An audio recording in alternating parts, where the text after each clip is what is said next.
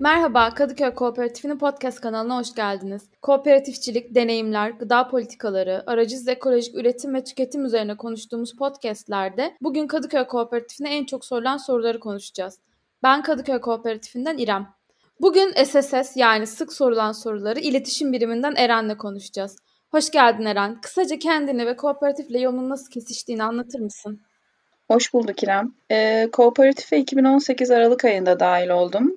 Bir e, arkadaşım o zaman kooperatifte gönüllü olarak çalışıyordu. O bize biraz bahsetmişti.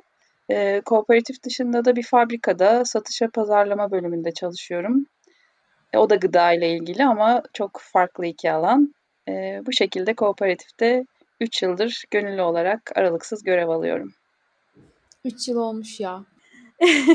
o zaman başlayalım istersen Eren. Ee, kooperatife en çok gelen soru ne? Öncelikle bunu soralım. İnsanlar en çok neyi merak ediyorlar? Ee, en çok fiyatı nedir? yani e, sosyal medyada dükkana gelen bir ürünle ilgili bir görsel paylaştığımızda altına gelen en çok yorum e, bunun fiyatı nedir sorusu oluyor. E, fiyatı nedir? İşte açık mısınız? Kargo yapıyor musunuz? Fiyat listenizin tüm ürünlere dair bir dokümanı var mı? Ya da bir e-ticaret siteniz var mı? Bizim e-ticaret sitemize katılmak ister misiniz gibi sorular devam ediyor. Bugün bu sorulara birlikte cevap vereceğiz ama tabii ki sorular sorulmaya her zaman devam edecek. Dükkanın ilk zamanlarında yeriniz nerede sorusu o kadar çok soruluyordu ki böyle harita konumunun ekran görüntüsünü sosyal medya hesaplarımızın cover yapmıştık. Ama yine de soru sorulmaya devam ediliyordu. E, fiyat konusuyla başlayalım istersen. Ürünlerin fiyatlarını nasıl belirliyoruz? Fiyat listesini internete neden koymuyoruz? Ee, öncelikle e, ürünlerin fiyatlarını nasıl belirliyoruz sorusuna cevap vereyim. Tabii ki dükkanın e, ve kooperatifin bazı resmi giderleri var. Önce bu giderler belirleniyor ve bunun üzerine de artı bir yüzde üçlük bir pay koyuyoruz. Bu payların her bir yüzde birlik kısmı bir amaç için kullanılıyor. Yüzde bir dayanışma için, yüzde bir kooperatif adına yaptığımız etkinlikler için, e, yüzde bir de kooperatifin amortisman giderleri için. E, bu dayanışma bütçesini mesela her dört ayda bir paylaşıyoruz ve bunu sosyal medyadan da nereye aktardığımızın dair bilgilerini de e, kooperatif dostlarıyla paylaşıyoruz. E, fiyat hesabı bu şekilde. E, fiyatlar internette neden yok? Kooperatifimiz bir kar amacı güden bir kooperatif değil. Dolayısıyla bizim kooperatif dostlarıyla, tüketicilerle kurduğumuz ilişkiler fiyat üzerinden olsun istemiyoruz birincisi. Bizim dükkanımıza gelsinler, ürünlerle ilgili, üreticilerle ilgili bilgi alarak hani kendilerini de dönüştürerek, alışkanlıklarını dönüştürerek bir alışveriş yapsınlar istiyoruz. Birincisi bu.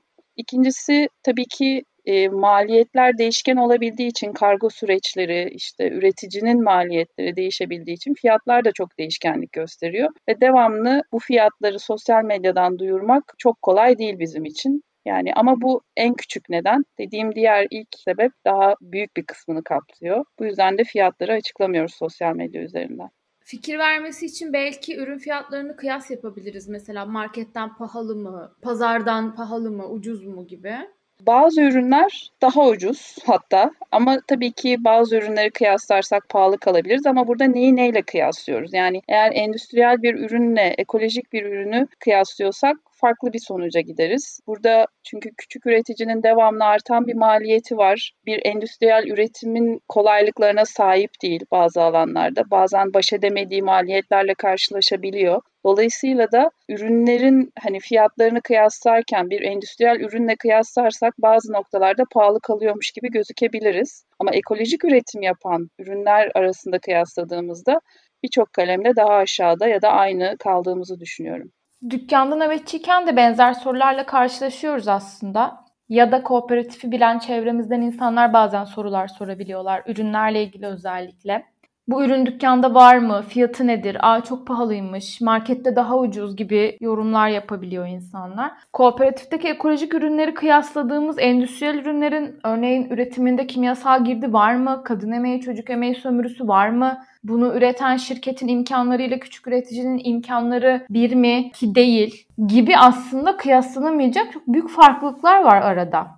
Haklısın yani bir bir kere kolaycı bir tüketim alışkanlığımız var. Yani e, o ürünün bizim soframıza gelene kadar geçtiği aşamaları bazen düşünmüyoruz. endüstriyel üretim bence buna bize alıştırmış. Dolayısıyla kooperatifin oluşum bir araya gelme sebeplerini araştırmadan dükkana gelen bazı tüketiciler bir marketten beklediği şeyi kooperatif dükkanından bekleyerek bu soruları sorabiliyorlar ama açıklayarak işte elimizden geldiğince onlara da bunları anlatarak dönüştürmeye çalışıyoruz. Zaten bunu bilerek gelenler bu sorularla gelmiyorlar bize açıkçası. Onlarda daha farklı. Bu ürünün üretiminde ne kullanılmış, işte nerede yetişmiş, e, işte hangi sulama tekniğiyle sulanmış tarla gibi yani daha farklı sorularla geliyorlar. Amaç tüketiciyi dönüştürmek bence buradaki görevimiz. Söylediğin bir şey de aklıma şunu getirdi. Bazen ben de ürünlerle ilgili ya da üretim detaylarıyla ilgili bazı bilgileri dükkana gelip de soru soranlardan öğrendiğim oluyor. Bazen öyle detay sorular soruyorlar ki ben de bilmiyorum cevabı ve birlikte öğreniyoruz. O da güzel bir deneyim oluyor aslında. Ya kooperatife dair en sevdiğim şey o galiba. Birçok şeyi ben de burada tüketicilerle beraber öğreniyorum. Kooperatif içinde yer almama rağmen. Ve bu beni mutlu ediyor açıkçası. Dediğin gibi Aa, onu ben de bilmiyorum arkadaşa sorayım deyip onu öğrenmek gerçekten beni de mutlu ediyor. Evet, o zaman endüstriyel üretimin bizi alıştırdığı diğer e, şeyler ve kolaycılıktan giderken biraz kargo sipariş ve dükkan açık olma saatleriyle ilgili sorulara gelelim istersen. Neden kargo yapmıyoruz Eren? Neden kargo yapmıyoruz? Güzel soru. Bir kere zaten karbon ayak izimizi azaltmaya çalışıyoruz. Hani kooperatifteki tüm gönüllü arkadaşlar ve kargo e, ne yazık ki buna hizmet eden bir sektör değil. İkincisi kooperatiflerin hani yerelde ilk yaygınlaşmasını istediğimiz için kargo ile adresini isteyen birinin bizden kargo ile alması yerine direkt üreticiden alabilir e, ya da bulunduğu bölgede bizim gibi kooperatifler ya da oluşumlar varsa buradan alabilir. Bu yönde onları teşvik etmeye çalışıyoruz ve bu bilgiyi paylaşıyoruz. Yani bizim amacımız al-sat olmadığı için zaten dükkana gelip bir iletişim kurmak istediğimiz için tüketicilerle kargo bize e, uzak bir yöntem açıkçası ve e, hiçbir zamanda olmayacak diye düşünüyorum. bir cevap da ben eklemek istiyorum. Böyle bir organizasyonun altından kalkamayız. Yani o da var. Sonuçta gönüllü emeğiyle ayakta duran bir kooperatif. Senin dediğin gibi bunun için gerçekten bir organizasyon gerekiyor. Ama bunu sağlamış olsak bile yapar mıyız diye düşündüğümde de yapmayız gibi geliyor açıkçası. Evet. E-ticaret konusunda sorular geliyor dedin. Hem bizim e-ticaret sitemiz olup olmaması hem de başka e-ticaret sitelerine katılma davetleri üzerine. İstersen bu soruya cevap verelim. Neden bir e-ticaret sitemiz yok veya diğer sitelere katılmıyoruz? Yani bu biraz önce kargo ile ilgili verdiğim cevaba aslında temel oluşturuyor yine. Yani bizim amacımız böyle bir online satış kanalı gibi işte sepete ekle işte 10 TL üzeri ise kargo bedava gibi bir zihniyet ve buna hizmet etmek değil biz tüketim alışkanlıklarını değiştirmek, insanların hani gıdaya, onun üretim sürecine dahil olması, söz sahibi olmasını istediğimiz için bir kere bizim dükkana gelip dükkandan alışveriş yapılması bizim için çok önemli. Çünkü burada biraz önce dediğimiz gibi gelen sorular bize yeni bir kapı açabiliyor, araştırmaya sevk edebiliyor. Dolayısıyla böyle bir e-ticaret sitesi gibi bir hedefimiz yok. Kendi sitemizi bu sebeple kurmuyoruz. Ama başka e-ticaret sitelerine davet de gelebiliyor. Yani hazırda olan bir siteye gelin sizin ürünlerinizi koyalım. Ama şöyle bir şey var. Bunlar bizim ürünlerimiz değil. Biz bir tüketim kooperatifiyiz. Üretim kooperatifi değiliz. Zaten eğer biz oraya Kadıköy Kooperatifi olarak dükkanda sattığımız ürünleri koyarsak bir aracı rolüne düşmüş olacağız ve bu bizim zaten onaylamadığımız bir şey. Yani biz aracısız bir satış e, hedefi koymuşuz ve bu dükkanı açmışız. Ama başka bir siteye girdiğimiz an e, bu ilkemizle ters düşeceğiz. O yüzden de bunu kabul etmiyoruz. Dolayısıyla bu talepler açıkçası bizim her zaman herhalde hayır cevabını vereceğimiz talepler olacak.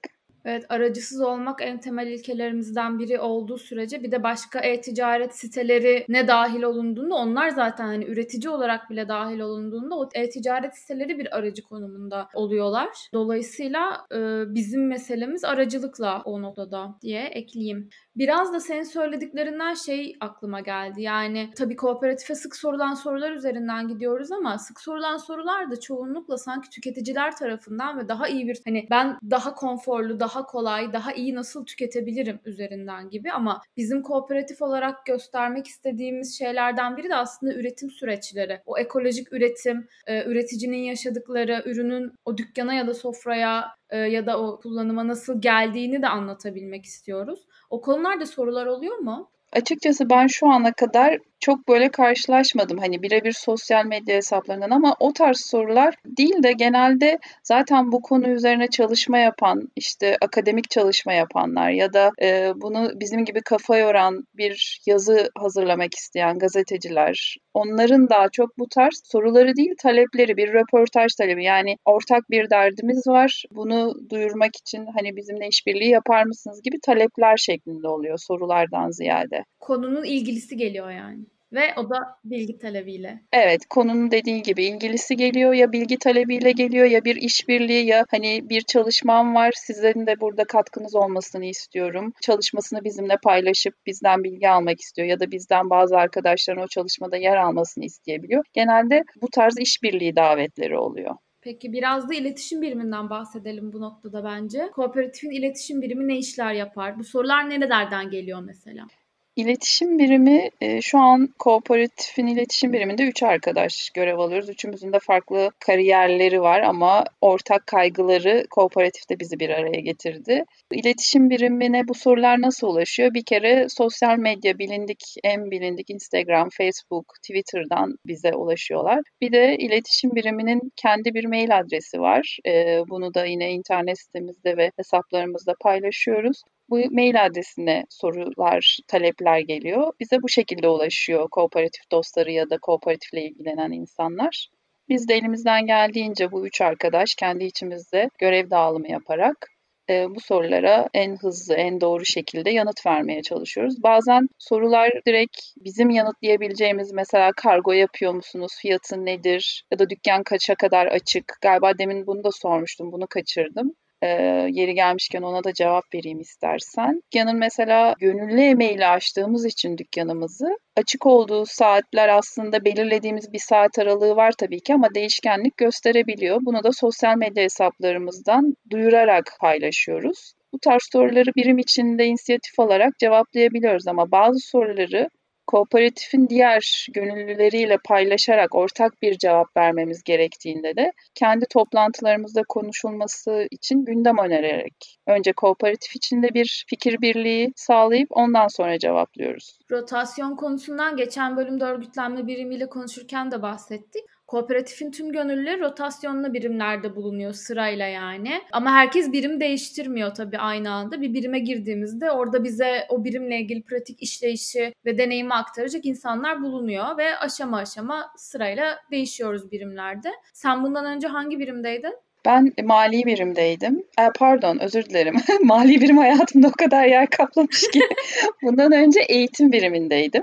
Eğitim birimi kooperatife gönüllü olmak isteyen arkadaşların sürece dahil olmak için ilk e, toplantıyı yapan birimlerden biriydi e, ve farklı görevleri vardı. Oradan iletişim birimine geçtim ve iletişim birimi açıkçası benim için bir mücadele oldu. Çünkü tabii ki sosyal medyayı hiç kullanmıyor değilim kişisel hayatımda. Kullanıyorum ama çok temel bir kullanıcıyım. Bu kadar detaylı ya da bazı özelliklerini hiç bilmediğim bir mecraydı benim için. Şimdi Instagram'dan işte yukarı kaydır nasıl yapılır, işte o nasıl yapılır, bu nasıl yapılır falan gibi repost nasıl yapılır. Hani bunları öğreniyorum. Açıkçası kooperatif diyorum ya hayatıma her anlamda yeni bir bilgi katıyor mutlaka bir şekilde. Ya üretimle ilgili ya günlük hayatımda kullanacağım temel bir bilgiyi mutlaka kooperatif sayesinde öğreniyorum. Ben de mali birimde müstahsil makbuzu kesmeyi öğrenmiştim. Evet. Müstahsil dövmesi yaptırmayı düşünen sen miydin? yani gerçekten e, enteresan bir kelime kendisi. Dövmeyi bilmiyorum ama o zamanki mali birim olarak ismi müstahsil olan bir metal grubu kurmaya karar vermiştik. Logosunu bile Metallica logosundan Metallica kelimesini müstahsile çevirerek hazırlamıştık. Efsane olurmuş. evet o sırada tezini yazan ve tabii ki yazmamak için her türlü şeyi yapmaya razı olan bir arkadaşımızın emeğiyle logoyu hazırlamıştık. O zaman bizi dinleyenlere kooperatifle ilgili sorularınızı sosyal medya üzerinden sorabilirsiniz diyerek bitirelim. Senin son olarak eklemek istediğin bir şeyler var mı? E, son olarak eklemek istediğim yani birime dair belki yine sosyal medyadan e, biraz önce dediğimiz gibi bir e-ticaret satış kanalının hızıyla bizden cevap bekleyen arkadaşlar olabiliyor. Bu anlamda bizi lütfen hoş görsünler. Biz e, gönüllü emeğiyle elimizden geldiğince yaptıklarımızı, derdimizi anlatmaya çalışan bir kooperatifiz ve bu sosyal medya mecralarında bu amaçla kullanıyoruz. Tabii ki dükkanımızla ilgili paylaşımlar da yapıyoruz ama bu anlamda biraz daha kooperatifi bilerek bizim yanımızda hareket etmelerini ben kişisel olarak rica ediyorum. Bir de dükkanımıza gelip bizimle sohbet edip bir çayımızı içip sorularını sorarlarsa daha mutlu oluruz. Tabii pandemi buna izin verdiği sürece. Teşekkürler Eren. Kadıköy Kooperatifinde kooperatifçilik, gıda, deneyimler ve birçok konuda konuşmaya devam edeceğiz. Yeni podcastlerden haberdar olmak için bizi takip edin. Kadıköy Kooperatif web sitesi kadıköykoop.org'da daha fazla bilgi bulabilir. Bizi Instagram, Facebook ve Twitter'dan takip edebilir. Bültenlerimize üye olarak toplantılardan haberdar olabilirsiniz.